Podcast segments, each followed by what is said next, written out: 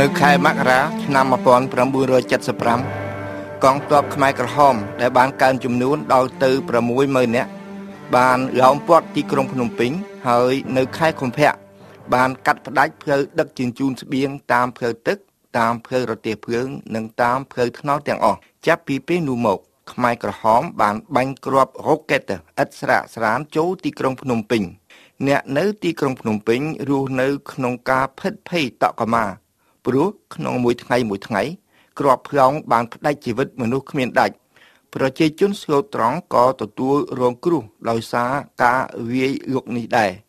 ប្រជាជននៅទីក្រុងទាំងអស់ត្រូវពួកខ្មែរក្រហមចាត់ទុកថាជាខ្មាំងឬជាពួក CIA ខ្ញុំកញ្ចេះអាមេរិករីឯពួកគេវិញគេចាត់ទុកខ្លួនគេថាជាអ្នករំដោះជាអ្នកតំណាងសេកធរយ៉ាងខ្ពង់ខ្ពស់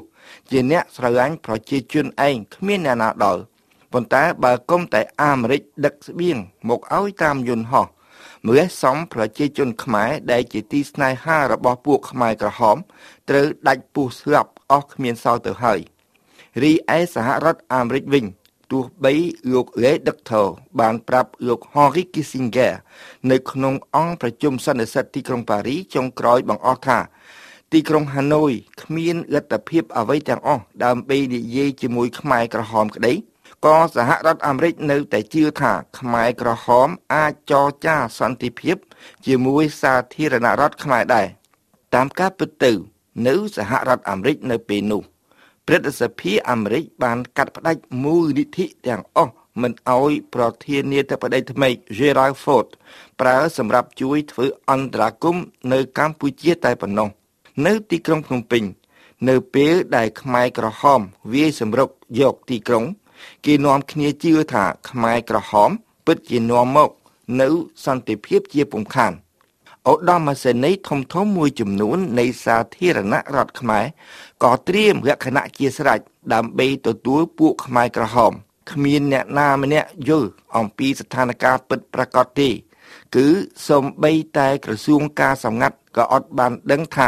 ទីក្រុងប៉េកាំងដែលគ្រប់គ្រងខ្មែរក្រហមឥតដែលបានគិត អំពីសន្តិភាពម្ដងណាឡើយ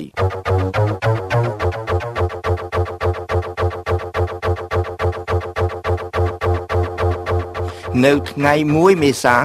ឆ្នាំ1975លោកសេនាប្រមុខអ៊ឿនណុលបានត្រូវឯកអគ្គរដ្ឋទូតអាមេរិក John Gunterdin បង្ខំឲ្យចាក់ចេញពីប្រទេសកម្ពុជា ទៅរស់នៅក្នុងរដ្ឋ Hawaii ដើម្បីរៀបចំទុកកន្លែង ទទួលសម្ដេចនរោត្តមសីហនុវិញព្រោះអាមេរិកជឿថាសន្តិភាពនឹងមានឡើងវិញពេលដែលខ្មែរក្រហមចូលមកដល់ភ្នំពេញ នៅក្នុងពេលដដែលនោះលោកយងបូរ៉េតរដ្ឋមន្ត្រីទី1និងលោកឧត្តមសេនីយ៍សូខាំកុយប្រកាសសន្តិភាពជាមួយខ្មែរក្រហមប៉ុន្តែឥតបានដឹងថាសម្ដេចនរោត្តមសីហនុនិងខ្មែរក្រហម នាំគ្នាសើចចំអកនឹងសេចក្តីប្រកាសនេះតតែសោះ ខ្មែរក្រហមនៅពេលនោះ មានមោទនភាពយ៉ាងសម្បើមអំពីជោគជ័យជាប្រវត្តិសាស្ត្ររបស់គេ តាមការពិត គឺគ្រាន់តែជាការដេញខ្លាមួយ ហើយបញ្ចូលខ្លាមួយទៀតឲ្យមកប្របាក់ប្រជាជនខ្មែរដោយខ្លោចផ្សាតែប៉ុណ្ណោះនិយាយមួយបែបទៀតគឺជាបរាជ័យរបស់អាមេរិកនៅឥណ្ឌូចិន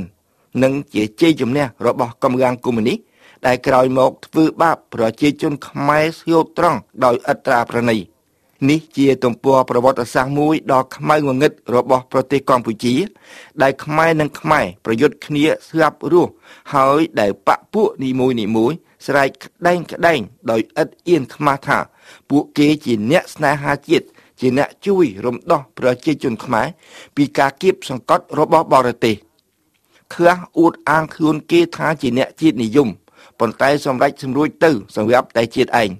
ពេលម្នាក់ម្នាក់សុំចុះញោមម្នាក់ទៀតគិតតែពីសម្រាប់